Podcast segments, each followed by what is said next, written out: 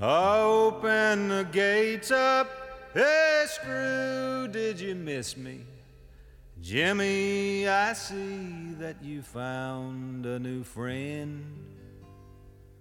Warden, come down here and kiss me hello, cause I'm back home in Huntsville again.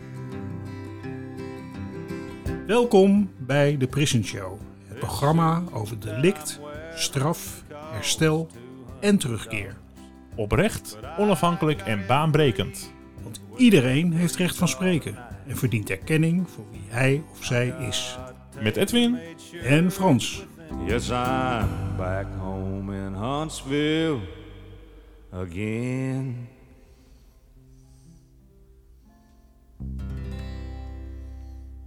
Het is al eh, ruim 125 afleveringen, bijna 130 afleveringen. Een, een zeer vertrouwd gitaarpingeltje. Onze tune op de vrijdag. En we hebben op dit moment een, eh, na een periode dat we het meeste via Zoom deden. eh, dat doen we nu ook nog wel steeds hoor. Maar eh, gaan wij in ieder geval met z'n tweeën bij mij boven zitten. Ja, gelukkig wel. Dat er in ieder geval nog enige vorm van sociaal contact mogelijk is. Ehm, Ja, ik, zie, ik, ik, ik zie al helemaal vereenzamen anders en dat wil ik echt niet eh, op mijn geweten hebben. Nee, is echt, eh je doorbreekt echt mijn eh, isolement, dat klopt. Je hebt ook ja. nooit wat te doen. Je hebt nooit wat te doen. Nee, precies. Heel goed. Eh, en, en dan nodigen we gewoon nog iemand uit, maar dan wel via Zoom. En dat is Harry Bos. Hij is een ervaren social professional die steeds weer als een, ja, dat zegt hij dan misschien zelf, een amateurliefhebber de uitdaging zoekt in zijn vak en op zoek is naar de verbinding tussen cliënt en zijn netwerkomgeving. En daarnaast is hij ook beeldend kunstenaar. En Harry heeft de weg afgelegd van het werken in systemen zoals eh, als PIW'er in de gevangenis en begeleider in de TBS. En in de TBS, wat natuurlijk op zich een hele gesloten setting is, solliciteerde hij al snel naar de reïntegratieafdeling van de kliniek. Later zette hij de stap naar de wijk, waar hij nu als zelfstandige op het zogenaamde grassroots level mensen begeleidt. De hoogste tijd om met Harry terug te kijken op zijn loopbaan tot nu toe en in te gaan op wat hij onderweg heeft gezien en geleerd. En natuurlijk wat wij daarvan kunnen leren. Harry, hartelijk welkom in de Prison Show. Hoi. Ja, Ja, goeiedag Frans. ja leuk dat je er bent. Fijn dat zijn. Fijn hier te zijn, eh, Frans. Het is eh, wel bijzonder. eh. ik bedoel, ik zie jullie daar zitten in een soort van slaapkamertje. En ik zit tijdelijk ook even in de slaapkamer. Maar, Ja, ja. Ja. een soort Een verbandelingen, verbandelingen die met Ja. elkaar communiceren. Ja, ja. Daar gaat de Ja. illusie, want wij, zitten, wij doen altijd alsof we in een hele professionele studio zitten. nee hoor, nee, nee dat, is, dat is wel mooi zo, inderdaad. Geeft een mooi beeld. Ja. hey Harry, ehm, waarom ga je in de gevangenis werken? Eh, dat is op zich al een, een, een belangrijke vraag altijd, want eh, een gevangenis, Ja. ja, daar, daar ga je toch eigenlijk niet vrijwillig naartoe, zou je zeggen. Ehm, Nee. Waarom deed je dat en, en wat is de gevangenis eigenlijk voor plek? Ehm, ja, ik ben daar gaan werken. Ik bedoel, eind terug in mijn geheugen. Hè. Eh, dat is alweer, eh, kijk, in 19... Wel laat ik zo zeggen. 78-3 eh, moest ik opkomen in militaire dienst. En eh, omdat het allemaal niet soepel verliep in mijn jeugd, eh, ben ik eigenlijk een beetje gevlucht uit het dorpje waar ik woonde. En dacht, ik moet ook zo ver mogelijk weg. Dus ik kwam in Zeedorf terecht, in Duitsland. En eh, daar heb ik dan 14 maanden in militaire dienst gediend. Dat ging ook allemaal op een bijzondere manier. Ik werd daar uh, barcommandant. En op het eind van de militaire diensttijd nou ja, was ik aardig, aardig bijgekomen zeg maar, van, mijn, eh, van mijn jeugd. En eh, eh, ik dacht van ja, wat nu hè? Er was geen werk in die tijd. Het was eigenlijk een beetje een soortgelijke crisis als die, die er op dit moment ook is. Mhm. Dus nou. En op een gegeven moment deed zich een grote advertentie voor. Je kon solliciteren in de Bijlmer Baaiers in Amsterdam. En dan kon je gratis en voor niks vanuit Zeedorf kon je een dag op en neer. Eh, je kreeg dan een maaltijd. En, nou, dat leek me wel een leuk uitstapje en een leuk cadeautje. Dus eh, ik ben een dag naar de Baaiers gegaan. En ja, het wonderlijke was, ik, ik werd daar eigenlijk ook vrij snel aangenomen. Nou, ik dacht, oké, dat is op zich nog wel een leuke grap. Dan, eh, dan ga ik die opleiding doen. Kan ik een beetje afkijken van dat uh, toch wel overmatig drankgebruik wat ik deed in, uh, als parkcommandant daar in Zeedorf. Ja, en daarvoor dus, de jeugd, je zegt van het, liep niet allemaal helemaal op rolletjes in mijn jeugd. Ben je ook een beetje een stoute jongen geweest in je jeugd of viel dat wel mee? Uh, ja, ja, stoute jongen, ja. Laat ik zo zeggen, toen mijn zusje op dezelfde school kwam als wat ik zat, en, en toen zei van, uh, toen vroeg de leraar van, wat doet jouw broer? Eerst zei die zit in de baaiers. Toen zei mijn leraar van, uh, ja, dat had ik wel gedacht, ja. Dat, uh, ja. Maar die had, het, die, had, die had het niet helemaal goed begrepen. Maar, hè? Ja, dit is wel voor mij wel een, uit te leggen. Uh, dat is voor mij wel een herkenbaar beeld, wat je nu schetst. Ja. Ja. Maar goed, dus ja. je, je, kwam dus in die, uh, je bent afgekikt van je drankverbruik wat je in de, uh, tijdens je Ja, dankzij die opleiding. Ja. ja, er kwam nog een ME-opleiding achteraan in Rijnen. En, uh, dus het was vooral heel veel sporten. En, ja, dus dat, dat, dat ging heel goed. Dus twee keer acht weken of zo, iets van 16 weken. En dan nog eens een keer aan de Rijn. Dus ik was een maandje of vier, vijf verder. En uh, toen werd me de vraag gesteld van nou, je, kunt dat werk. En uh, nou, we dachten zo'n plek voor jou hier in Veenhuizen. Nou, ik dacht van nou, nou, nou is de grap wel voorbij. Ik ga niet in Veenhuizen. Uh, ja. dat, ook al was het vlakbij Leek. Ik vond dat toch toen ook al een beetje het eind van de wereld. Ja. Nou, zei hij, wat wil je dan? Ik zei, nou, ik zeg, die bij me bij is waar ik gesolliciteerd heb in Amsterdam. Dat, dat, dat lijkt me wel wat. Nou, dat kon ook vlot geregeld worden. Dus Bovendien, ik had een beetje liefde voor windsurfen ontdekt. En uh, in die tijd, uh, ja, ik, was, daar was ik aardig goed in. En, en het, het, surfen op zee begon net een beetje op Zandvoort in die tijd. Dus ik dacht van, nou, dan kan ik dat mooi combineren. Dan ga ik daar werken in de Bijlmerbaaiers. En dan, dan kan ik lekker veel surfen op Zandvoort. Ja, klinkt als een goede combinatie. Ja. Ben je ook in, aan de kust gaan wonen of toen? Nee, ik heb wel een, een campertje gekocht, een busje gekocht. En dan heb ik met wat platen hout, heb ik daar een een beetje een, uh, een kookgerijtje gebouwd. En, uh, dus ik zat heel veel bij Sandy Hill. Dat was een mooie, mooie, mooie stek op Zandvoort in die tijd. Dan had ik de camper gewoon op de kust staan, ja, op, op, het strand. En dan uh, boven, bovenop het duin. En dan kon ik zo het plankje eruit gooien. En dan kon ik lekker windsurfen. Hey, en um, welk jaar was dat dat je in de Bijlmerbaaiers ging werken? nou, dat was 1979. Dus 1979, 1980. Oké. Okay. Ja, want dat was wel in die tijd. Hè, ik heb zelf ook in de Bijlmerbaaiers gewerkt, maar dat was wat later. Um, in die tijd was dat uh, ja, wel een hele moderne gevangenis eigenlijk. Hè? Ja. ja, dus dat was echt wel leuk werk. Ik, uh, in die tijd, ja, um, ja, hoe moet je zo'n sfeer schetsen? Ik, ik hoorde wel eens, in die tijd was een ziektepercentage van 1,3, 1,7 of zo. Ja. Dus nie, niemand was ziek, iedereen was met plezier aan zijn werk.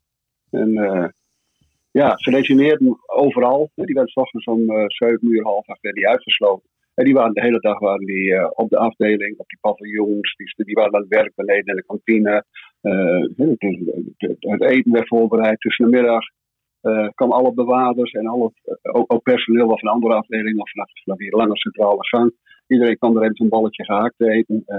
en ja, kortom, er was een, gewoon een complete gemeenschap eigenlijk binnen de muren. En, ja, onvoorstelbaar ja, verschil met nu, hè? Ja, nou ja, na vier, vijf jaar begon er ook een beetje af te lopen. De klas kwam erin. Hè? Er kwamen een paar van die, uh, van die zaken, met Stanley Hillers, hè, bij, bij Sonja Barend en uh, ja. uh, die, die Arie Olivier. Hè, die de, de media die doken waarop hè, en, en, die ontdekte allerlei foutjes daar zo. Ja, was jij nog, was, was Hero Postma toen nog directeur, toen jij daar werkte? Postma? Nee. Ja, Hero, ja. Nee, de Graaf, dacht ik. Oh ja. Klaas de Graaf of zo. Ja, ja Jos en, de Graaf. Uh, en Jan... Jos de Graaf? Nee. Oh. Ja, de Graaf in elk geval. En, en Jan van der Brand. Oké. Okay. Die was... Uh, ja, ja, ja. Die was adjunct-directeur. Die werd later directeur, geloof ik. Ja, ja die is later die directeur van de Havenstraat geworden, ja. Ja. ja. Oké, okay. dus dat was de goede oude tijd. Toen... Uh, ja, de gevangenis eigenlijk ja. uh, een plek was waar, waar, heel veel aandacht was voor resocialisatie eigenlijk. En er ook een soort gemeenschap ontstond van gedetineerden en personeel. Ja, voor, voor mij was het allemaal nieuw. Hè? Maar goed, en, en men begon daar, er was een detoxafdeling, hè? er was een wat vrijere afdeling en een wat strengere afdeling. En, uh, de, op de schans had je al dat er geëxperimenteerd werd een afdeling waar de gedetineerden een eigen sleutel hadden. En, ja. ja. Dus ja, het, er, er was veel ruimte zeg maar, om van alles en nog wat maar te, te proberen. En Ja, want jij PIW en hè? Jij werkte in Demersluis. Ja. En daar, daar Ja. had je de drugsvrije afdeling. Was die er toen ook al? Dus Ja. dat was eigenlijk een hele, ja, een soort eh, therapeutische gemeenschap, om het zo maar eens te zeggen. En, ehm, maar je had ook tegelijkertijd in datzelfde Demersluis in Eendtoren een hele zware beheersafdeling, hè? Paviljoen 5. Ja, maar toen, in die tijd dat ik dat werkte, was dat niet zo. Het leefde niet zo. Ik bedoel, die, die, die, eh, er was eigenlijk heel weinig spanning. Er was, ik kan me maar weinig, weinig agressie herinneren eigenlijk uit die tijd. Als als er al eens een keer een gedetineerde uit zijn plaats ging, hè, dan, eh, dan moest hij naar boven, naar het dak toe. Nou ja, ik weet nog wel, dat was echt een, eh, echt een dingetje, zeg maar. Dat, dat, dat, dat, als bewaarder schrok me daar zelf van, dat dat, dat zover moest komen. Eh, Oké, ja. Wat, wat heerlijk om dit zo terug te horen. Hè? Dat, dat dat op die, op die Ja. manier ging in die tijd. Hè? Dat kan je je nu bijna Ja, niet meer ja. voorstellen. Nee, nou ja, goed. De laatste tien jaar loop ik er niet meer. Dus ik weet niet hoe het nu is. Maar goed, wat ik ervan meekrijg, eh, ben ik inderdaad blij. Ik, ik zou ook nooit weer terug kunnen nu naar, eh, naar de gevangenis. Het, eh,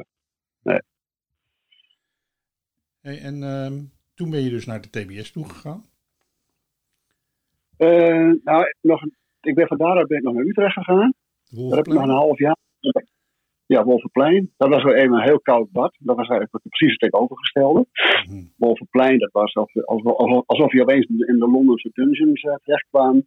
Eh gedetineerd die boven van de ring af werden gegooid. Hells Angels die samenwerkten met de hoofdbewaarder. En, en nou, die even samen de boel opruimden. En dan stiekem een flesje bier toegestopt kregen. En, en, Ja. Nou ja, dat was juist een hele bizarre tent met heel veel agressie. En eh, ja, een heel oud beleid. Ja, die, je, gaat, je vertelt het heel snel over dat flesje en die Hells Angel.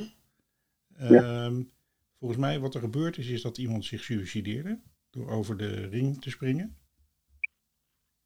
Ja, dat? In, eh, in het ja Wolvenplein? dat is nooit, is nooit duidelijk geworden. Ik herinner me uit die tijd dat er dan even later in de Telegraaf nog groot onderzoek was. Eh, maar goed, Ben, ben oh, in de tent werd er niet over gesproken. Weet je wel? Dit, eh, in ieder geval je, je kwam in, eh, iemand. Hij overleed. En eh, nou ja, het was vroeger natuurlijk. En, eh, ja, dus hij werd allemaal weggemoffeld. Weet je wel? Dat, eh, Ja, en er was een Hells Angel die, die daar gedetineerd zat. En die kreeg een flesje bier als hij de boel opruimde. Ja, ja, ja. Dat klinkt als, als iets eh, behoorlijk schokkends, wat je nu vertelt. Ja, ja. Heftig. Nee, dat, dat was het natuurlijk al. En, en nou ja, zo gebeurde er veel meer van dat soort dingen daar in, eh, in die Wolvenplein. Dus het contrast met de Bijlmer Baai is waar je echt een hele open, transpa- transparante stijl van werken had. En eh, ik bedoel, als er gekke dingen gebeurden, dan ging ik daar gewoon naar de directeur en zei nou, hè, wat er nu gebeurt, weet je wel. Dat, eh, maar dat, dat, dat was in de Wolvenplein was dat absoluut niet zo. De directeur zat daar heel veilig in het voorgebouw, die zag je nooit. En, Ja. en daarachter op de ring, daar maakten eh, de hoofdbewaarders maakten een dienst uit. En, eh, nou ja, dat, eh, dat kon het daglicht niet verdragen. Zeg maar. Dus eh, was dat ook de reden dat je, dat je verder ging solliciteren? Ja, dat was wel de reden. Ik denk, je moet hier zo snel mogelijk weg. En Ja. eh, dus ik denk veilig terug naar het Groningenland. Mhm. Ik, ik heb gesolliciteerd toen in Groningen, het Huis van Bewaring, dat ging weer open. Er was ook een opstand geweest in die tijd. Het dak was eraf gegaan. Eh er was helemaal gerenoveerd. Er was een nieuwe bias gekomen. En ik denk, ik ga weer terug naar Groningen toe. Ja. En dat was eigenlijk wel weer vergelijkbaar met wat ik eh, met mijn ervaring in, de in de Belmont bias. Dat was ook een hele progressieve tent. Eigenlijk bijna te progressief, weet je wel. Dat gebeurden wel weer gekke dingetjes precies de andere kant op. De, de vrouwenafdeling die mocht bijvoorbeeld eh eh zelf recreëren met een mannelijke afdeling. Met als gevolg dat je negen maand later heel veel kleine kindertjes had. Ja. Die allemaal geboren op een vrouwenafdeling. Maar was dat nog in het gevangeniswezen, in de gevangenis in Groningen? Of in de En het huis van bewaring. In het huis van bewaring, ja precies. Ja. Helperlinie heette dat, hè? Helpelinie. Ja. Ja, ja, ja. ja. Dus dat, eh, dat was eh, een soort vrijplaats, eh, zo te horen. In het Groningse land. Ja, dat- van Den Haag vandaan. Over, ja, ja, het was geen vrijplaats hoor. Ik bedoel, het was eigenlijk wel vergelijkbaar met wat er ook in, in Amsterdam gebeurde. Het was gewoon echt een prima tent. Met, een, met een keuken beneden op het vlak. Eh, gedetineerd die, die met een kok samenwerkte. Die zelf kookte. Eh het was een goede verdeling van baantjes, een goede sfeer. Eh, nee, het, het was echt een hele, hele prima tent. Ik, Ja. ik weet, jaren later werd hij afgebroken. En toen ben ik daar stiekem ben ik daar over, over de hek geklommen. Heb ik daar nog een serie foto's gemaakt. En een dag later sprak ik daar met een voormalige dominee. Die zei van, oh, dat is toch ook toevallig dat jij dat gedaan hebt. Want ik hoorde gisteren van eh, Puntje Puntje gedetineerde. Dat hij dat ook gedaan had. Die is, die is ook nog even terug geweest. weet je wel? Ja. En dat, vond- dat vond ik wel heel herkenbaar. Je, nog zowel bewaarders als gedetineerden. Dat was eigenlijk wel een hele warme plek. En, eh, Hm. ja, Mooi. een goede, een goede plek van bias. Ja. Ja. En, en toen ben je naar de TBS gegaan. Welke kliniek ben je toen gaan werken? Eh voor misdaadkliniek. Oké, dat is wel een van de zwaarste klinieken in Nederland. Hè? Meest gesloten en beveiligd. Ja, ja. Ja, kijk, ik, ik liep er een beetje tegenaan dat huisbewaring in Groningen. De, de, de sfeer in Nederland begon een beetje te veranderen. En dus ook de huisbewa huisbewaring in Groningen, de sfeer, hè, de keuken ging dicht. En eh, eh, ja, de, de progressie ging eruit, zeg maar. Ja. Dus eh, inmiddels was ik wel zover dat ik dacht van ja, dat heeft geen zin als ik alleen maar beheersmatig moet werken. Dat, dat laat me helemaal niet. En dan, eh, dan moet ik kijken of ik eh, hiernaast in een vermisdagkliniek terecht kan komen. Want eh, daar gaat een hele hoop geld heen. Hè? Dat, hè, daar gaan we echt verschillen in budget in die tijd. Eh, nu nog steeds natuurlijk. dat is miljoenen meer naar de TBS dan naar een huis van bewaring. En ik dacht van, nou ja, als ik naar die eh, TBS-afdeling ga, dan kom ik ongeveer dezelfde eh, populatie tegen. Want ja, ik had toen al dat hè, sommige jongens waren ex-TBS'ers, die zaten op de ring in het huis van bewaring. En je had een huis van bewaring, had je jongens die gingen naar de vermestdag. Dus dat, dat, dat, dat was, eh, hè, Nee, ik kom dezelfde mensen liggen. je kende de doelgroep heel goed natuurlijk. Ja, dus ik denk, en als dan daar miljoenen tegenaan gegooid worden. En er heerst een filosofie van. We, gaan, we geven mensen een echte kans om weer terug te, te gaan de maatschappij in. Dan is dat beter dan wat we hier in het Huis van Bewaring doen. Want hier creëren we alleen maar draaideur crimineel. Ja. En we geven mensen weinig kans. En eh, eh, we lachen een beetje als ze weer, als ze weer terugkomen. Nou, dat, eh en dat stuit me zo twee in de borst. Ik dacht, eh, dan, ga ik naar, dan ga ik naar Vermestdag toe. Ja. Dus daar gesolliciteerd. Ja, en eh, kwamen je verwachtingen uit? Dat er echt Ehm, veel meer nou- gebeurde met eh gedetineerden? Of met eh, Nee, eigenlijk niet. Ja? Nee, nee.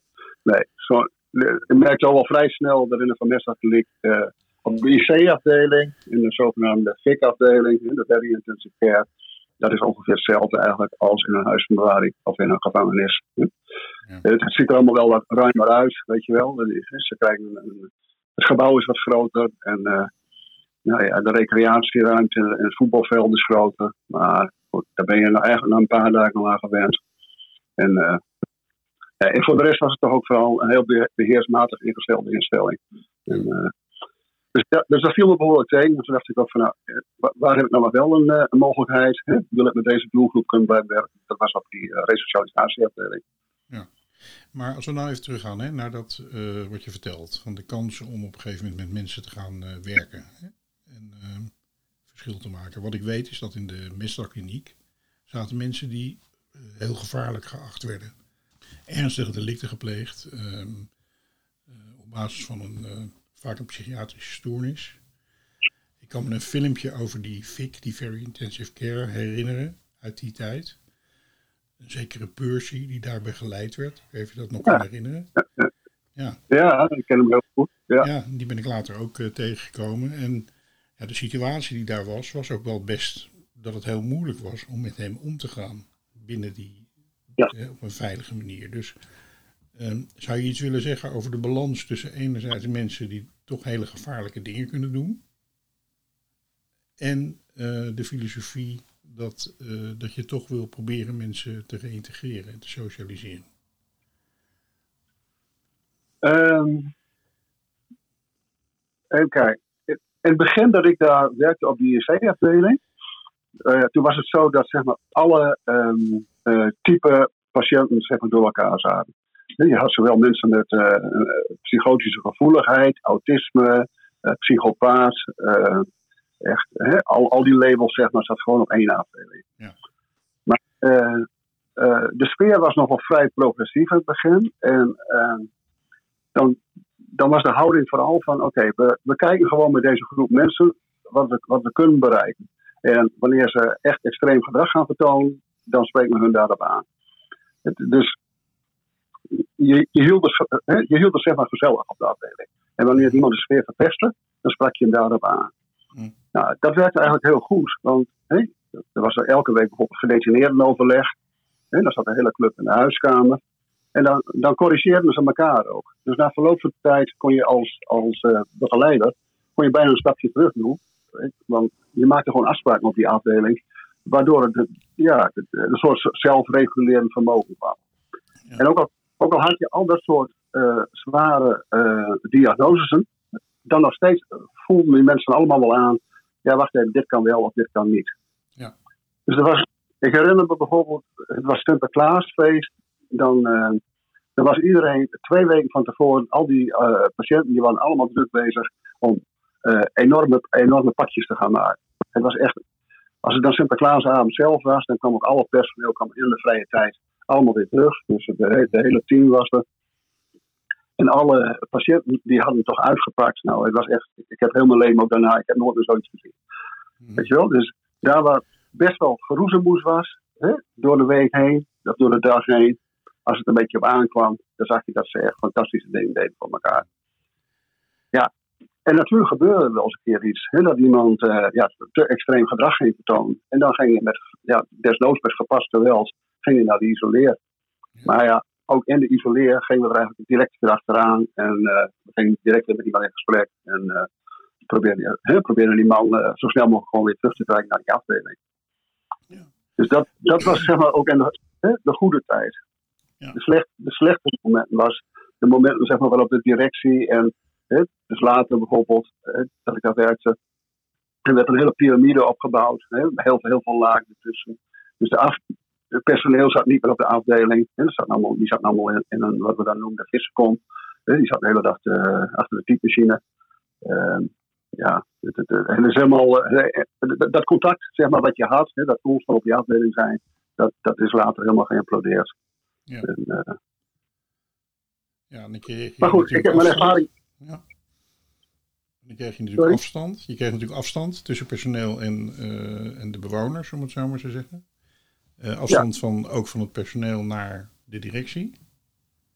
En ehm, ehm, wat je nu ziet, is dat eigenlijk op heel veel incidenten met heel veel angst en heel veel ontzetting wordt gereageerd. En dat lijkt iedereen heel erg in een kramp terecht te komen. Hè? Dus dan krijg je allerlei maatregelen die gericht zijn op uh, repressie en controle en dat soort dingen. En wat ik jou eigenlijk hoor zeggen van, goh, we waren eigenlijk heel eh, effectief aan het werk. Hè? De sfeer was goed en uh, we gingen met z'n allen met elkaar om en uh, wisten daarin een manier te vinden die voor iedereen acceptabel was. Wat is er gebeurd dat wij allemaal zo zijn gaan denken? Heb jij dat, heb jij dat ehm, meegekregen, hoe dat nou zo gekomen is? Ja, ja dat, dat, zag je, dat zag je dus gebeuren iedere keer. Ik zag het dus in het Huis van Bewaring in Groningen al gebeuren. Hè. Daar, daar kwam, kwam, die afstand. Hè. Alles werd aangetrokken. De directeur die kwam niet meer op de afdeling. Hè. Dus hè, voorheen kwam zeg maar, de directeur altijd even, uh, elke ochtend om tien uur kwam die tussen de bewaarders in, even een kopje koffie meedrinken. En daardoor wist hij ook precies zeg maar, hoe de vlaggen bijhingen in zijn tent. Ja. En wij als bewaarders, wanneer, we, wanneer er echt iets extreems aan de hand was, dan kon je tijdens de koffie kon je dat even met de directeur bespreken. Ja, zo was het. Hè? Naar boven toe was het een kort lijntje. En vervolgens was er ook een kort lijntje, want we waren gewoon de hele dag op de ring. Nou, hetzelfde zag je ook uh, in de TPS. Hè? Dus daar waar we. Het zijn allemaal gesloten afdelingen. Dus als er zeg maar van bovenaf niet, iemand niet de, de directie en, en, en dergelijke, als die niet meer op de afdeling komen, dan voel je je als personeel ook geïsoleerd. Hè? Dan word je als het ware een soort van schip. Hè? je, je gaat het echt met elkaar doen. Hè? Maar krijg je dan dus daar ben je contact uh, Ja, als ik, het, als ik het nog mag vertalen wat je zegt, hè, zeg je dan eigenlijk van um, de regels werden heel erg bepaald door mensen die niet rechtstreeks met gedetineerden werkten en in contact kwamen. En dus ook niet goed wisten waar de goede balans lag. Ja.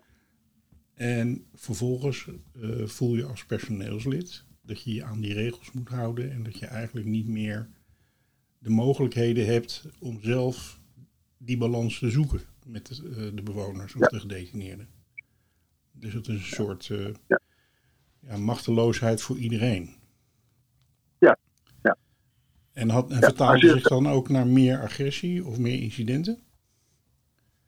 Ja, en dat werd dan ook extremer. Hè? Want het werd dan wel van bovenaf opgelegd, zeg maar, als een, nou, noem maar wat, een, een, een, een patiënt die uh, agressief is op een afdeling, mm -hmm. hè, die bijvoorbeeld met een kopje had gegooid, die, uh, daar stond dan een bepaalde uh, dagen dat hij naar de isoleer toe moest. Hè? Dus dan was het gelijk afstand. En dan moest ook de beveiliging moest overgenomen worden door de BIA's. Hè? De, ja, de, de, de, beveiligers. De speciale, ja, speciale eenheid. Ja. Precies. Dus dan was het dus niet zo. Het was van, niet uh, uit de afdeling iemand isoleerde. Ook. Nou ja, als ik, ik noem als ik een conflict heb met een patiënt op de afdeling en die gooit mij een kopje. En vervolgens gaat hij naar de isoleer. Maar binnen een uur ben ik bij hem en ik ben weer met hem in gesprek. Dan, dan kunnen we het erover hebben. Dat het toch wel een beetje absurd gedrag is om zomaar een kopje naar mijn hoofd te gooien. En dan meestal hè, zag iemand dat ik wel in. Als iemand geïsoleerd zat, dan, uh, dan was het ook van ja, sorry Harry. Dus, dat was helemaal niet persoonlijk bedoeld, maar uh, hè? dit of dat is aan de hand, weet je wel. Ik heb een telefoontje gehad en, en noem maar op. Maar goed, als het van buitenaf opgelegd wordt, ja, dan ben je hem kwijt. Hè? Dan heb je een soortgelijk conflict. Dan zit hij in de isoleer en dan, ja, dan moet ik maar wachten tot hij weer op de afdeling komt. Dan kan hij dan vier, vijf, zes, zeven dagen later weer terug. En dan, ja, dan moet je alsnog zeg maar dat conflict uit zien te praten. Je moet toch samen dus hebben. Ja. ja, ik moet zeggen dat ik, dat ik vind dat wat jij nu vertelt, hè, eigenlijk heel eenvoudig en heel begrijpelijk, uh, is wel een heel belangrijke boodschap. Zeker in deze tijd. Dus ik ben Ja, blij ja. dat, je dit, eh, dat je dit zegt. Ook voor mensen die nu in de gevangenis werken, bijvoorbeeld. En dit aan de lijve ondervinden, zeg maar. Nee, ik kan me voorstellen. Dat, uh, dit, is, dit is essentieel. En, en, dit is ook een beetje wat ik in, uh, waarom ik aan het Mestdag weg ben gegaan. Hè? Na verloop van tijd werd er gewoon een hele, hele piramide werd er opgebouwd aan. Hè? Uh, je kreeg de, de, de PIP, hè? dat was de assistent van, van het afdelingshoofd. En daar werd er nog iemand tussen gezet en nog iemand boven gezet. En je had een, een, een hoofdbehandelaar, en maar die had een assistent hoofdbehandelaar. En dan had je nog een, een, een associatherapeut die er ook nog een keer verantwoordelijk voor gemaakt werd. Dus Weet je wel, omdat je zo'n hele piramide kreeg, die ook nog een keer van een groot deel buiten de afdeling ging functioneren. Ja, daar, uh, daar, toen dacht ik ook van ja, dit, dit gaat niet werken natuurlijk. Ja. Het, het, is wel zo dat uh, alle vakgebieden die ik ken, of waar ik zelf in heb gewerkt, ik heb altijd mensen horen klagen over het feit dat er mensen die de praktijk, of die nooit in de praktijk hebben gewerkt, en achter een bureau zitten, de regels bedenken voor de mensen die in de praktijk werken. En het lijkt wel een fout die altijd wordt gemaakt of zo. Dat we daar nooit van leren. Ja. En dat, dat is echt, gaat ook heel breed over allerlei vakgebieden. Ja. Als we daar eens ja. mee zouden kunnen stoppen, gewoon in de wereld, dan, dan zou er nog zoveel opgelost zijn. Ja, ja, ja. ja. Nou ja, dat, dat was dus in die tijd in de Bijlmer Baaiers was dat dus een stuk minder. En, en, en, en in het begin van het Huis van Bewaring was dat ook een stuk minder. En, en, een goe, en in een goede tijd in de vermestachterleek was dat ook een heel stuk minder. Ja. Dat is precies de reden waarom ik het heel lang, heel lang heb volgehouden. En echt met heel veel plezier heb gewerkt. Ja, het is ook heel erg... Uh, uh, dat vertelde je ook, hè, dat, uh, met Stanley H. en dat soort dingen. er gebeuren incidenten. Daar schrikt iedereen van. Daar moet de minister uitleg over geven. Dan, dan bevriest iedereen. Dan gaan ze allerlei maatregelen bedenken. Weet je wel? En dan uh, ja. zet je eigenlijk op basis van een incident een enorme stap terug in het leefklimaat. Ja, ja en die maatregelen zijn eigenlijk heel, altijd heel simpel. Hè? Dat is meer afstand, hogere hekken, NATO-prikkeldraad. Uh, weet je wel, het, het, het was een Bijlmerplaats of zo. Die had een begin. Dus toen het gebouwd werd, toen wilde men er een heg omheen. Ja. Hè? Die, die architect die ook ja. had. Hè? Echt paar nou, ja, dat, dat, ja. Ja, dat was nog even een stap te ver. Maar goed, er werd gewoon een muur gebouwd met een gracht. En eigenlijk was dat gewoon ook wel genoeg. Hè. Je had gepanzerd glas. Hè, je had geen tralies, maar gepanzerd glas voor die, uh, voor die celraam. Ja, dat is gewoon jaren is dat prima gegaan. Maar goed, toen er eens een keer een biljarttafel doorheen is gegooid, toen moesten er gelijk tralies voor. En toen Stanley Hillers uh, met een paar, uh, paar haken over, over de muur heen ging, toen moest er opeens een hek bijgebouwd worden. Ja. Weet je wel? Het, het is eigenlijk, en dat was in, in, in, uh, in de vermestdagkliniek op de resocialisatieafdeling. Die zat aan de Herenweg. En er hoeft ook maar één keer iets mis te gaan. Gelijk werd daarvoor, ik, ik geloof dat in die tijd iets een bedrag van 12 miljoen of zo was, moest er een enorm hek gebouwd worden. Ja. Hè, voor die oude muur. Nou ja, ja be- belachelijk natuurlijk allemaal. Maar zo, zo simpel werkt het altijd wel. En daarmee is gelijk het hele eh, klimaat wat je op een afdeling hebt van, nou, wat ik net schetste, weet je wel, dat je zeg maar de verantwoordelijkheid voor een deel aan de gedetineerden of aan de patiënten geeft. Hè, waarbij je zegt van jongens, als jullie je zus en zo verdragen, hè, dan, dan is er iets mogelijk. En als je, en als je het verpest op de afdeling, dan trekt mij de touwtjes eraan. Als je, dat, als je die, die beweging aan de afdeling geeft, dan is er best heel veel mogelijk. En dan, eh, en dan krijg je veel meer. Klinkt me als muziek in de oren. En tegelijkertijd ook heel, Ja, eh, ja. heel droevig dat, eh, dat we kennelijk de, de, de competentie om op een goede manier, op deze manier te reageren op dingen, een beetje kwijt zijn geraakt. Ja, dat is ook Ja. wel. eh, Ja, het is, altijd dezelfde reflex. Altijd, ja, ja. Ja, je ging dus eh, op een gegeven moment eh, op de reïntegratieafdeling werken hè, in de TBS-kliniek. Hoe was dat? Want dan moet je mensen echt begeleiden bij een terugkeer in de samenleving.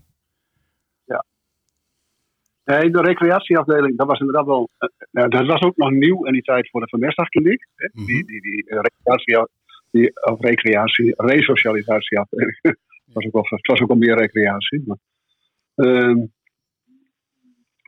ja, hoe was dat? Ehm, nou, eigenlijk was het ook voor een deel een beetje een, een koude klets. Want eh, ik dacht van, oké, d- daar werken ze allemaal op professionelen. Daar, hebben ze, eh, daar zijn ze dus echt bezig om mensen weer terug de maatschappij te krijgen. Het was ook wel op een bepaalde manier eh, ja, amateuristisch. Ik was er nog maar net en to- toen kreeg ik de opdracht eh, om. Nou, ik, ik, dacht, ik, dacht, ik was er nog geen twee, drie dagen. En toen kreeg ik de opdracht om een patiënt die al buiten verbleef, die, die buiten woonde, die moest direct terugkomen. Mhm. En in de loop van de middag werd ik gebeld door een eh, vrouw. En eh, die was echt verschrikkelijk in paniek. Ik hoorde gelijk al dat die vrouw, nou kreeg bijna het idee dat ze zo'n beetje met, een- met een geladen pistool op haar hoofd stond. En eh, die vrouw die, die legde mij uit dat haar, haar, vriend niet, niet terugkomt, niet terug wilde. Dus ik zeg tegen mijn collega van, nou ja, volgens mij be- betreft dat hier, hè, waar we het vanmiddag net over gehad hadden. Nee, zegt hij, je moet tegen haar zeggen, ze moet direct tegen haar vriend zeggen, terugkomen. Maar wa- waarom moest hij Ja. terugkomen eigenlijk? Eh, Nou, dat was, op, dat was mij toen niet helemaal duidelijk. Hè. Later werd me, werd me wel duidelijk dat eh, nou ja, hij had al veel ruimte gehad buiten. En nu had hij zeg maar, zijn ruimte echt wel verpest. Hè. En, eh, en de hoofdbehandelaar die had om die reden besloten dat hij terug moest komen. ja, dus hij had wel dingen, gedrag laten zien buiten wat niet kon, zeg maar. En nou ik hoorde die vrouw zo in paniek. Dus ik zeg tegen die collega, nou, dat, dat, dat kan niet. Dat moet wel op een andere manier aanvliegen. Maar goed, die collega stond er echt naast mijn telefoon. Alsof ik zeg maar het lulletje, lulletje van de afdeling was. Ik zei, je, moet, je moet gewoon even zeggen, ze moet terug, nu, direct. Ja, ik probeer dat nog eens een keer uit te leggen. Maar ik, kwam er niet doorheen. Dus er restte mij niks anders dan dat ik tegen die vrouw zei: Ja, spijt me wel, maar je moet tegen hem zeggen, hij moet terugkomen. Vervolgens is hij op de vlucht gegaan en uiteindelijk heeft hij een, eh, een moord gepleegd onderweg. En nou ja, weet je, ik, ik was helemaal van de kaart. Ja, snap ik. En ik dacht van, dit, dit, dit overkomt me echt nou nooit weer. Hè? Even- Ik, eh, even als ik terug, gewoon... eh, terug naar dat incident. Hè. Hoe, hoe, hoe had het beter gegaan? Hoe had je dit kunnen voorkomen? Nou ja, dit had, wat je dan zegt, dit moet je anders aanvliegen. Als je hoort dat iemand helemaal in paniek is, dan is iemand in paniek. En dan eh, moet je daar rust in creëren. Ik bedoel, in dit geval, er had natuurlijk best eh, iemand naar dat huis toe kunnen gaan. Ja. Er had eh, met rugdekking van de politie, kun je gewoon bij iemand aanbelden en eerst eens in gesprek gaan. Ja. Wel, op, op zo'n manier. Ja. Maar hè, doordat, het, doordat het idee dus op die afdeling was van, nou joh, wij hier bepalen de regels en eh, hè, jij zegt dat dan maar gewoon en dan heeft iemand maar te luisteren. Maar wat, ja, ik jongens, wat- is een eh, gebrek aan empathie. Dus eh, empathie, je inleven in de situatie van die man en hoe hij kan reageren. Ja, ja dit, dit was echt een voorbeeld van omgekeerd te veel empathie. Ze waren helemaal meegegaan in de wereld van die man, hè, Ja. van, die, van, die, van die patiënt. En, die- en die, ja, die zette buiten de boel gewoon helemaal onder druk. Hè. Die had die vrouw in de macht en die had haar kind in de macht. En, en die had, ja, en dat heb ik al vaker meegemaakt in, in de TBS. Dat, dat, je, dat je zelf zeg maar goed contact hebt met een eh, patiënt. Ja. En dat je, ik, heb, ik heb bijvoorbeeld ook een keer een jongen, dan, dat was al jaren later, dan, eh, dan werd hij overgeplaatst van de IC-afdeling naar, eh, naar, naar de resocialisatieafdeling. En dan eh, kon ik net voor mijn, voordat ik op vakantie ging, kon ik nog één keer met hem naar zijn ouders toe. Hè, een treinreis naar het zuiden van het land. En dan gedurende zo'n treinreis, ik bedoel, dan zit je vier, vijf uur zit je met iemand in een treincoupé. En, en, dan heb je een beetje betere gesprekken. En dan werd mij in die gesprekken wel duidelijk dat deze jongen echt hartstikke angstig was. Terwijl hij op de afdeling eh, overkwam als zeg maar de bank die het allemaal eh, in de hand had.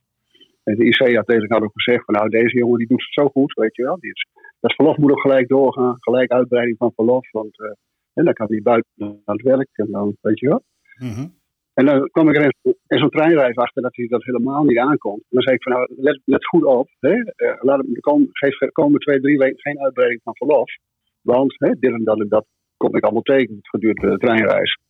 En dan kwam ik terug en dan hadden ze hem toch gewoon verlof gegeven. Om, eh, en dan was het ook helemaal mislukt. En dan was hij dus er vandoor gegaan. Had mensen gegijzeld. En eh, weet je wel, was het weer, ik een- wel, was er weer Ik zou hier wel iets, ietsje eh, nader op in willen gaan. Want ehm, aan de ene kant vertel je van ja, er wordt heel erg meegegaan hè, met de behoeften en de wensen van de, van de betreffende bewoner. Hij krijgt vrijheden, die weet hij op een of andere manier uit te onderhandelen, om het zo maar te zeggen. Ehm, en vervolgens, op het moment dat het misgaat, dan is het ineens over. En dan is er ook Ja. helemaal geen ruimte meer. Ja, ja. En dit, Nou ja, een beetje, beetje, Mhm. Het is eigenlijk een beetje hetzelfde wat je eerst ook hoort. Als je geen, geen goed contact hebt met, eh, met je hoofdbehandelaar, hè, met, je, met degene eh, ja, die uiteindelijk beslissen, die de handtekening zetten, ja, dan, daar gaan dan de dingen mis. Ja. Het vraagt gewoon een hele nauwe samenwerking als je zo intensief eh, eh, eh, werkt, weet je wel. En als het gaat over ja, mensen willen ruimte gunnen die voorheen ja, toch echt tot, tot dodelijke delicten toe eh, eh, het zo ver hebben laten komen dat ze uiteindelijk een dodelijk delict hebben moeten plegen. Ja, dan moet je goed weten dat als je iemand de ruimte weggeeft, dan moet je als behandelaar moet je ervan overtuigd zijn dat, dat, gebeurt in ieder geval niet weer. Dit, dit is wel heel. ehm, ik ben het met je eens, hè, maar dit is ook wel heel. naar de luisteraar toe heel vooroordeelbevestigend. Hè? Eh, TBS wordt voor heel veel mensen geassocieerd met. ja, dan krijgen ze verlof en dan gaan ze weer delicten plegen. Nou ja, ja ik, ik kan me dat eh, wel iets voorstellen met het vooroordeel van buitenaf. Alleen eh, de manier waarop het vooroordeel tot stand komt, dan, dat, daar ben ik het dan weer niet mee eens. Kijk, je kunt best, je kunt best heel veel met mensen. Heel, veel mensen zijn zeg maar door omstandigheden, noem maar wat, omdat iemand eh eh, psychose gevoelig is, gaat iemand eh na verloop van tijd toch drugs gebruiken. Omdat hij te veel drugs gebruikt, eh, escaleert het en gaat je vervolgens een raar delict plegen. Als je zo iemand in een TBS eh, behandelt hè, en je hebt hem weer op een gezond dag- en nachtritme en je hebt zijn medicatie goed aangepast, ja, dan kijkt zo iemand ook, eh, echt eh, heel berouwvol naar zijn eigen delict. Hè, en, snapt hij bij God niet hoe, hoe hij dat ooit zo eh, heeft kunnen doen. Dat voel, dat je dan ook wel heel oprecht.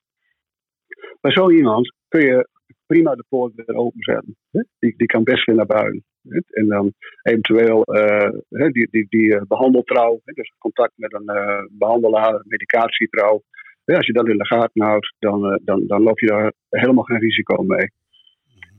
Maar goed, aan de andere kant, eh, iemand met eh, psychopathisch gedrag, die, eh, ja, met, met, met, die, die goed gedekt is, die een goed verhaal heeft, tussen haakjes, hè, ja, die kan ook een heel eind komen met de TBS. En ja, dan merkte ik toch wel vaak dat een, een, een hoofdbehandelaar, die, die was gevoelig zeg maar, voor die mooie praatjes. Terwijl ik op de, op de vloer, zeg maar, eh, tegen, de hoofdbehandelaar zei van ja, wacht even, hè, hier moet je echt in oppassen, want hè, hij heeft een mooi verhaal, maar, hè, nou, puntje, puntje.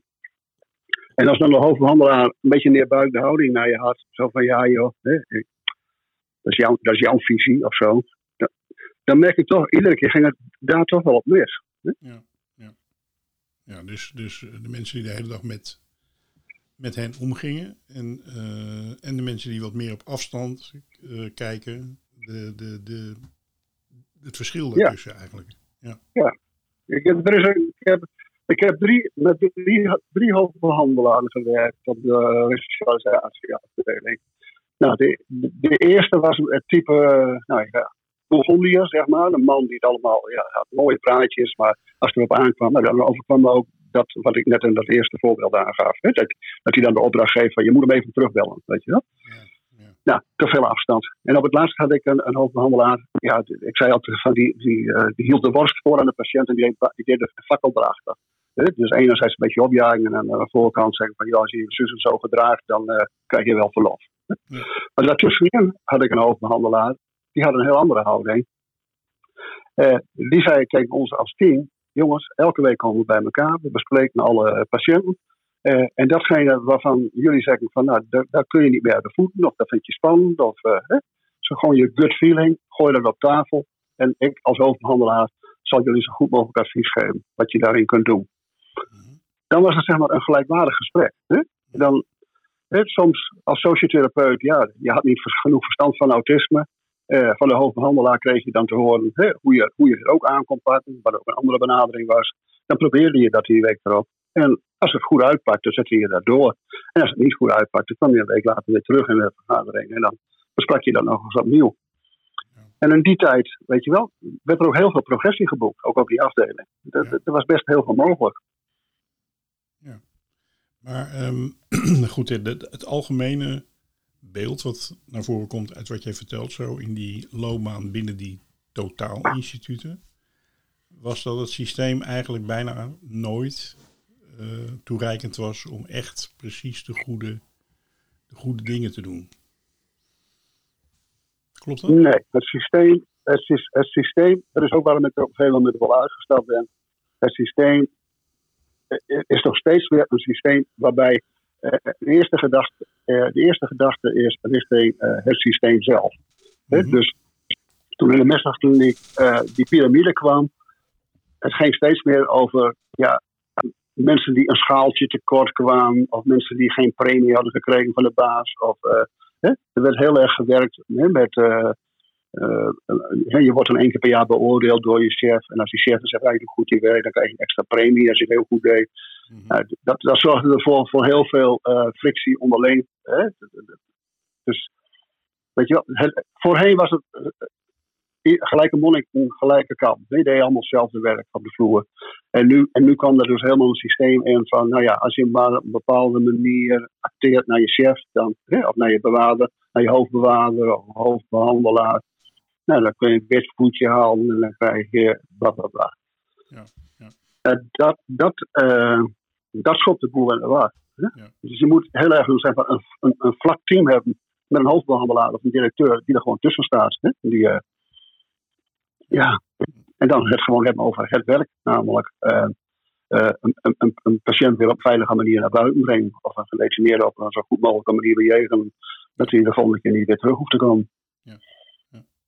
Hey Harry, dus um, op een gegeven moment, nou ja, je hebt dus in, in, uh, in, alle, in klinieken en gevangenissen heb je gewerkt met mensen die uh, op een of andere manier de aansluiting in de gemeenschap verliezen en dan van daaruit uh, of vanuit de geestelijke gestoornis delicten gaan plegen. Um, op een gegeven moment heb je dus gekozen om de stap naar buiten te zetten, zeg maar. En, en, en buiten met, met, met mensen te gaan werken. Um, Werkt dat beter? Ik vond je werkt, werkt dat beter? Uh, vanuit de huidige rol? Ja. Uh, nou kijk, op de resocialisatieafdeling, ik ben daar, uh, uh, ik ben vrij snel van sociotherapeut ben ik maatschappelijk werker geworden daar. Als maatschappelijk werker had ik veel meer de ruimte. Dat was onder die goede hoofdbehandelaar. Kreeg ik veel meer de ruimte om de patiënt naar buiten te brengen. Ja. En en ik ontwikkelde dus ook een stijl dat ik. Uh, nou ja, ik ging mee, zeg maar, om een patiënt bij een voetbalvereniging onder, onder te brengen, bij een werkgever. En dan liefst een beetje een kleinschalige, wat we nu noemen ZZP'er. Uh, en vervolgens hè, had ik dan ook één op één contact. Hè. Ik gaf direct mijn, uh, mijn visitekaartje af. Ik zei tegen die werkgever of tegen de, de, de, de coach van de voetbalvereniging: ja, als er iets is, we, hebben, we presenteren ons ons drieën. Dus de patiënt zelf presenteert zich waarom hij hier op de voetbalclub wil, of uh, op de biljartvereniging, of op dit werk. Die vertelt zelf zijn verhaal. Jij, jij als werkgever of als coach, jij kunt ook alle vragen stellen. Als er iets is wat nog niet beantwoord wordt. Hè? Maar soms had je een uh, patiënt die zei van ja luister, de lik van mij is zo gevoelig. Ik, uh, ik vind dat moeilijk. Hè? Om de eerste keer, ik ga de eerste keer naar buiten na zes, zeven jaar. Om dan ook gelijk daar al met een deel vreemde, hè, wat toch zo'n basis is, om, om daar al over te praten. Nou, dan spraken we af, oké, dan, laten we dat, met die baas akkoord is, bijvoorbeeld twee, drie maanden rusten. Maar over drie maanden vertelt hij het dan wel. Uh, of niet. En dan kiest hij ervoor om, om weer weg te gaan, te stoppen met het werk. Okay. Weet je wel? Dus open kaart spelen. En als daar iets in was, ik ga een visitekaart, ja, ik ben 24-7 bereikbaar. Nee, je kunt me altijd belden. Dan uh, kom ik zo snel mogelijk naar je toe. En dan, uh, dan, dan, zorg ik dat er een oplossing komt. Mm -hmm. Nou, dat, daar, en, en daarin had ik gemerkt hè, dat het dus best wel mogelijk is om, uh, om heel snel de patiënt goed geplaatst te krijgen. Ja. Want uh, er zijn best heel veel ZZP'ers en uh, uh, voetbalcoaches enzovoort die, die, die een, een, goed hart hebben. Die zeggen van nee, ik, ik snap wel hè, dat iemand vanuit isolement iets op moet starten. En, dus die boden die ruimte wel. Ja, en wat ik je ook hoor zeggen dus, eigenlijk is, ik was er gewoon voor die cliënten. Dus um, ik ben altijd bereikbaar. Alleen al zo'n uitspraak. Hè? Van, je kunt me altijd bellen. Ja, ja. Dat maakt ja, best dat veel verschil, denk ik. Nee, dat is dus dat is een hele belangrijke. En een andere belangrijke is ook continuïteit. He? Dus als ik zeg van, het moet je luisteren, noem wat, uh, volgende maand, februari, 7 februari, dan kom ik, dan moet ik er ook zijn. Ja. Als ik dat niet deed, dan bevestigt dat heel erg het beeld van, oh ja, hè, lult goed, maar als het erop aankomt, dan komen ze niet. Ja. En volg je dus mensen ook die... lang? Uh, want dat is ook een soort van continuïteit, hè? dat je niet iedere keer andere hulpverleners hebt. Dat... Ja, nee, je moet er zelf zijn. Je moet niet een stagiaire sturen of een collega sturen. En zeggen dat je, nou ja, tenzij je echt ziek bent, hè? dat kan natuurlijk een keer. Maar uh, je moet mensen echt het gevoel geven dat je er gewoon eigenlijk ten alle tijden bent. Ja, ja. Nou, ja, dat ook. kan best. Hè? Dat kan best. Ik bedoel, uh, je hebt daar ruimte voor. Als je hoofdbehandelaar zegt van ja, goed bezig, dan, uh, dan kun je je werk zo invullen. En dan, dan ga je aan de slag. Hey, en, dus zo, dat, zo heb ik, oh, sorry, ja. Nee, zo heb ik best wel jaren kunnen werken. En vanuit dat gegeven uh, ben ik, toen ik stopte, hè, dat ik daar weer vastliep, ben ik via de WMO, hè, die toen kwam, heb gedacht van oké, okay, dan dat kan ik natuurlijk buiten zelf ook gewoon gaan doen. Dus dan ben ik een bedrijfje voor mezelf begonnen. Ja. En wat doe je precies, Hardy? Op dit moment? Nou, ik, uh, ik heb nu een caseload van, wat zijn het, iets van 14, uh, 14 mensen. En daar zitten mensen tussen die inderdaad ook een uh, rond detentie, of die een taakstraf hebben, of die een paar weken vastgezeten hebben. Uh, die zitten er ook tussen. Maar even zo goed zitten mensen tussen die helemaal niks met uh, justitie of wat te maken hebben. Die nog nooit een bekeuring gehad hebben. Ja. En, maar goed, er zijn vaak mensen, autisme speelt veel. Um, uh, nou ja, ADHD.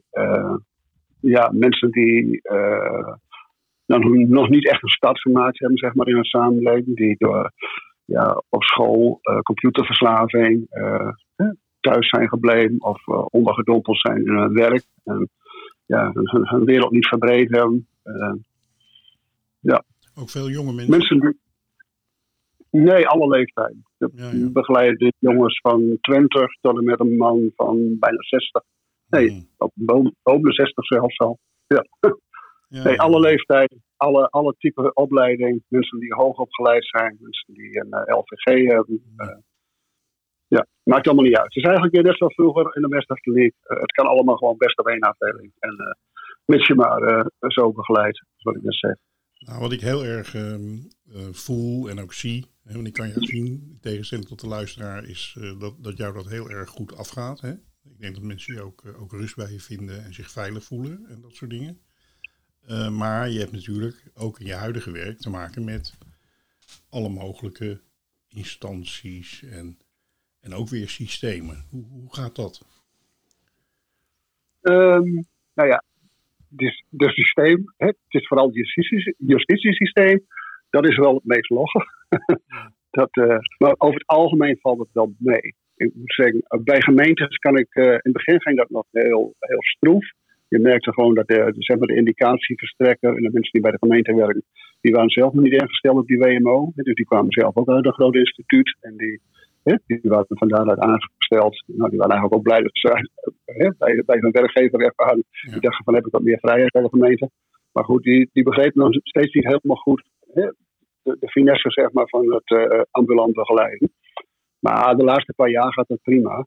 Alleen, uh, ik, ik, ik, dacht zelf altijd van, ik, ik ben op bij, bij uitstek iemand die weet hoe je een, een uh, ex-gedetineerde moet begeleiden. Mm -hmm. En nou, laat me nou die expertise dan ook echt volop in de strijd gooien. dus ik ben echt heel actief bij allemaal gevangenissen langs geweest. En reclassering en nou ja, wie ook maar in het veld zeg maar. Om, om om aan te geven van, ja, als je nou een jongen hebt op een afdeling waarvan je denkt van, nou, deze heeft, die gaat het gewoon niet goed redden. Die heeft echt, echt begeleiding nodig als die straks buiten is. Nou, breng me dan uh, daarmee in contact. Dan kom ik gewoon naar de baaiers toe. Dan, je kunt best die band opbouwen in de baaiers, denk ik. En niet uh, als hij alweer, uh, al, alweer een maand buiten is. Dus nodig me dan wel uit. Maak me kennis. Jij erbij, ik erbij met z'n drieën. En dan, dan, zetten we, dan zetten we iets op. Maar justitie wil daar niet aan. Hè. Ik merk gewoon keer op keer. Hè, zijn, ja, waar ik ook kom, dan krijg ik te horen: fantastisch, Harry. Mooi hoor dat je dat aanbiedt. En uh, wat geweldig. We gaan je bellen. Nou ja, er wordt nooit gebeld. En uh, het is altijd wel iets. Als ik erachteraan bel. Nee joh, we doen het nog niet. Corona op dit moment. Hè, we kunnen nog niks. Alsof de hele wereld daar dicht is. Nee, dat, ja, dat is ja, justitie wil dat niet. Justitie heeft. En de misdaadkliniek hadden ze de laatste jaren altijd over bedbezetting. Uh, dat vonden we eigenlijk al heel gek. Uh, dachten we, ja, bedbezetting. Nou ja. En toen, ik, toen, ik, toen ik aan het werk was de laatste paar jaar, de misdaadkliniek, en zeg maar hard werkte om patiënten weer naar buiten te krijgen. Toen werd ik steeds schever aangekeken door de directie. Maar die, maar één keer zeiden ze zelf letterlijk van, joh, weet je wel, we moeten denken aan onze bed, bedbezetting, Harry. We, we, hebben drukker met de instroom, dan uh, de uitstroom laat dat maar even. Dat, uh, dat, doe jij, uh, dat, dat, doe jij maar wat je doen moet. Maar ja. ja. Dat je, het is altijd de perverse prikkel. Perverse prikkel, ik wil het woord net noemen. Ja. Ja. ja. Nou ja, wat je vertelt is natuurlijk wel iets wat. Um, ik sprak pas geleden een burgemeester die zei van nou, we hebben, we hebben de afdeling nazorg. Hè? En dan hebben we de wijkteams en we hebben het veiligheidshuis. En we hebben een checklist. Uh, daar zetten we vinkjes op. Hè? Als iemand naar buiten komt, van is die, heeft hij werk, heeft hij schulden, heeft hij andere problemen. En zo hebben we dat belegd en uh, dat gaat prima. Ja, ja nou ja, zo, zo is het. Ik bedoel, daar kun je niks tegen inbrengen. Als die man werkt met een checklist en is dan tevreden, ja, ja dan houdt het toch op. Nou ja, wat ik tegen hem zei is van meneer, dit is een, uh, um, het was een behoorlijk grote gemeente, was die burgemeester van. Dus uh, er waren allerlei andere mensen die dat natuurlijk uitvoerden. Toen zei ik tegen hem, dat is een volstrekt papieren werkelijkheid. Dat is niet zoals het echt gaat, zeg maar. En dat bevestig je eigenlijk met jouw verhaal. Ja, ja. Nee, zo is het. Ik bedoel, je, maar je hebt heel veel mensen die geloven echt hardgrondig in die papieren werkelijkheid. En daar kun je gewoon, ja, als je daar niet in gelooft, hè, als je om je heen ziet dat het gewoon helemaal niet werkt, ja, kun je daar wel argumenten tegen inbrengen. Maar ik heb gemerkt, het heeft geen enkele zin. Het, uh, nee. Dus dat, dat, dat, dat frustreert mezelf ook niet langer mee. Uh, ik heb nu gelukkig gewoon een goede caseload. En uh, of mensen nou uit de, uit de bias komen of niet uit de bias, het maakt mij eigenlijk helemaal niet uit. Ja. Ieder, iedereen heeft gewoon een goede hulpvraag. Ik werk met een zelfredzaamheidsmatrix. Dat is een heel goed instrument. daarmee zetten we de zaak altijd op een rij. En vervolgens gaan we aan het werk. En uh, ja, met al die cliënten waar ik kom, uh, het is, uh, ja, ik ben aan het eind van de dag ben ik werk af, maar ik heb altijd een goed gevoel, weet je wel. Ja. Dat, dat, is gewoon al, al, die, al die mensen zijn allemaal heel druk aan de, aan de slag om, om er iets goed ja. van te maken. Ja, fantastisch. Ja, dat is toch natuurlijk uiteindelijk het belangrijkste en het allerbeste antwoord is gewoon aan de gang gaan en aan het werk gaan met mensen. Dat is wat jij doet. En ehm, kennelijk, uh, en dat is ook goed, heb je daar ook de gelegenheid voor. Hè? Zorgt, zorgt, zorgt de gemeente dat de financiering rondkomt en dat soort dingen. Dus dat is natuurlijk ook een hele belangrijke. Want wat ik altijd begrijp is wanneer je een dienst aanbiedt, dan hebben de gemeentes allerlei aanbestedingsprocedures en allemaal dingen. Maar dat geldt voor de WMO niet zo, hè? De, de, de, de klant kan nee, nou ja. kiezen wie die wil, klopt dat? Ja, uh, de, de, de gemeentes hebben gewoon een lijst van mensen, van uh, instanties, waar ze, uh, um, waar ze de zorg aan uh, kunnen uitbesteden. En ik zit zelf bij een coöperatie. Er zit iets van 160 middelgrote kleine zorgondernemers bij. Oh, ja. Een coöperatie dichtbij. En die coöperatie, die doet de aanbesteding. En dat maakt dus gewoon zeg maar dat de, de front office en de back office is weggezet bij die co coöperatie. Ja. Uh, dat maakt vervolgens dus gewoon dat uh, als er zeg maar, zo, zo gaat het ook best wel vaak. Er zit ergens een, een, een, werker bij een grote instantie, dus bijvoorbeeld bij de FPK bij de AFPN. En die zegt tegen een cliënt die daar een programma, bijvoorbeeld een agressieregulatietraining doorloopt. die zegt van ja, joh, weet je wel, ik zie bij jou, je zou eigenlijk nog, er zou nog een traject achteraan. Dat kan via de WNO. Die gaat vervolgens gewoon op internet kijken en die stuit op mijn website en die leest dat voor. En die cliënt zegt, nou nee, dat, dat verhaal dat spreekt mij wel aan. Vervolgens belt hij mij op en, uh, en die vraagt, uh, kan ik bij jou die hulp uh, wegzetten? Ik zeg, ja, dat kan prima. Wel, hè, vraag een indicatie aan bij de gemeente. Als de gemeente, hè, die, die, die kijkt er ook nog een keertje mee. Hè, dus vragen ze dan een overdracht zeg maar, van bijvoorbeeld de AFP aan de gemeente met die cliënt erbij. Gaan met elkaar om tafel zitten, dus we spreken nou eens door. En de gemeente die zet, het, zet, zet, het dan weg bij de coöperatie die erbij. En ik kan dat werken. Ik krijg dan een aantal uur en daar, daar, daarvoor ga ik aan het werk. Ja, ja nou, klinkt ontzettend goed. Um, ja, het werk wat jij, ja, nou, het werk wat jij doet, je zegt al, ik ben back-off s'avonds. Um, ik weet uit eigen ervaring dat je ja, een heel, heel intensief en veelvragend beroep hebt gehad, altijd. Hè? het werken in gevangenissen en TBS-kliniek is ook niet bepaald het meest eenvoudige werk. Um, maar naast jouw werk uh, ben je ook met kunst bezig, hè? Kun je daar iets over nou, vertellen? ja.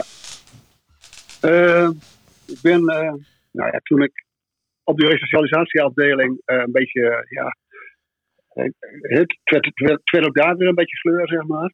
Toen wilde ik graag wat cursussen en uitbreidingen, hoe dat kan dan op een gegeven moment niet meer. Uh, dan wordt het allemaal een beetje gezien als een cadeautje. Dus uh, ik dacht van nou, dan ga ik een andere opleiding doen. Want ik merkte ook wel, als je zeg maar een opleiding doet in de zorg, dan is dat heel vaak toch ook weer meer van hetzelfde. Hè? Je wordt zeg maar nog een grotere autisme-kenner of een, uh, noem maar op. Terwijl nu, daar gaat het niet om. Je kunt er wel een hele bibliotheek over vol schrijven. Ja. Het gaat natuurlijk gewoon om hoe zeg maar, de verhouding is tussen jou als begeleider en je cliënt. Dus ik dacht, ja, de wereld is groter dan alleen maar kennis van. Hè? Dus, uh, en waar maken mensen nou stappen in? Nou ja, sommige mensen in het geloof en andere mensen in de kunst. Hmm. Nou, het geloof, ja, dat, dat vind ik altijd een mooi ding voor mensen die daar uh, iets aan hebben. Dat moet je vooral doen. Als je daar steun uit, kunt krijgen. Maar de kunst sprak mij meer aan. En uh, ik dacht van, nou, ik, ik probeer het gewoon. Dus eigenlijk een beetje toevallig. Er was iemand die zei van, nou, joh, jij kunt dat, jij hebt dat wel een talent in. Hè? Solliciteer gewoon nog eens een keer. Want je kunt nog steeds gewoon een, eh, een deeltijdopleiding doen in de kunst. Nou ja, lang verhaal kort. Hè? Ik ben aangenomen en uh, vervolgens vijf jaar lang uh, kunstacademie gedaan. En uh, in, in die kunst inderdaad heel veel geleerd. ja, hoe moet je dat kort samenvatten, Frans? Um, even denken. Um, wat betekent dat in je leven nou, en je werk? ja, nou, dat... Kijk, de kun, je kunt empathie kun je leren. Weet je wel, dat is een beetje... Uh, als, je naar de, als je naar een film kijkt, hè, dan, uh, dan kun je zeg maar je gaan verplaatsen in iemand anders. Als je je verplaatst in iemand anders, wat je van tevoren niet helemaal hebt aanzien komen, dan, uh, dan leer je dus empathisch uh, te zijn. Ja. En als je en als je dat vermogen een beetje hebt, ja, dan kun je, dan kun je zeg maar breder, uh, dan ben je breder inzetbaar in de maatschappij. Dan, dan, dan, dan, komt van het een het ander. Ja. En, dat, en dat helpt enorm. Ik bedoel, mensen die, uh, noem maar wat, acht, negen jaar in een TBS-kliniek zitten, die denken op een duur dat de wereld de wereld is zeg maar, die ze binnen die muren zien. Uh, en dat is een heel andere wereld dan zodra ze er eenmaal weer uit zijn. Niet voor niks zie je vaak dat een resocialisatieproject, dus het traject na de detentie of na de TBS, dat is het traject waarin mensen aan de bak moeten. Dan gaat er nog heel veel gebeuren. En als je dan uh, empathisch vermogen hebt, dan, uh, dan kan dat. En heb je dat niet, denk je nog steeds dat ja, de wereld op een bepaalde klein, hè, kleine manier is ingedeeld, zeg maar. Ja, dan loop je veel sneller tegen de muur aan. En als je tegen de muur aan loopt, heb je heel snel dat zeg maar, je oude gedrag, je verslaving, hè, dat dat allemaal weer opspeelt. Hè. Dus aan de kunst kun je heel veel hebben. Ja, en, uh, ja. ja.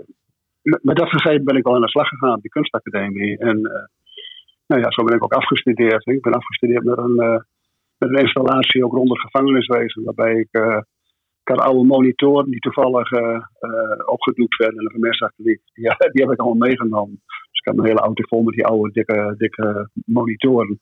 En daar heb ik vervolgens een te techniek aan aangepast waarbij een, iemand die in de baai gezeten had, dus een ex-gedetineerde of ex-personeel, een verhaal deed at random, zeg maar, over hun ervaring in dat huis van bewaring. Fantastisch, zeg. En dat kunstwerkje ja, is er nog steeds? Nee, nee. Ik heb, ik heb een paar keer opgesteld, daar ligt in de schuur. Maar, nee. nee, geweldig. Mooi project. hey Harry, ja. um, ik wou langzamerhand tot een, uh, tot een afronding komen van het gesprek. Ja. Uh, ja, ik vind dat je ons geweldig hebt meegenomen door uh, de wereld van, uh, van justitie en van de klinieken. Maar ook uh, was ik erg blij met de dingen die je gezegd hebt over je huidige werk. Hè? Gewoon in de buurt tussen de mensen. Um, ja, ik wil je daar eigenlijk heel erg hartelijk voor bedanken. En, ja, ehm, jullie heel erg bedankt Frans. Ja, ik vond erg de moeite waard. Ja, vertel. Nou, gelukkig. Ik vond ik vond het heel fijn om eens een keer een beetje te, te reflecteren zeg maar, op al die jaren. Dat, ja, dat is op zich wel uh, leuk om te doen. Ik heb daar een boek over geschreven. Dat was ook een manier om, uh, om dingen op een rijtje te zetten. Ja. En ja, een gesprek werkt vaak nog beter, vind ik zelf, als, als om het op te schrijven. Ja. In de wisselwerking, in het contact. ja. Dat is ja, leuk. Ik heb, het was mij een genoegen. Mij ook. En mij ook. Ja, nou heel hartelijk ik heb, Ik heb uh, vooral geleerd. Ja, hij heeft heel uh, aandachtig zitten luisteren, Edwin. En, uh, en ik hoop onze luisteraars ook. En als je nou wil reageren, dat, dat kan op onze Twitter of Facebook pagina. Ik denk dat we binnenkort maar eens aan de Instagram moeten. Want daar zitten vooral veel mensen ook, merk ik, als we het willen delen. Dus het komt er ook nog allemaal aan. En je kunt natuurlijk altijd even een mailtje sturen. Ja, zeker. Um, daarvoor vind je alle informatie op prisonshow.nl. En ook ons hele archief is daar te vinden. Met nou, zo rond de 130 uh, interviews al. Dus als je binnenkort tijd hebt, kun je die allemaal gaan beluisteren. In ieder geval ja. bedankt voor het luisteren. En uh, Harry ook nogmaals hartelijk bedankt. En wat onze uitzending betreft, tot volgende week. Tot volgende week. Yes, I'm back home in Huntsville again.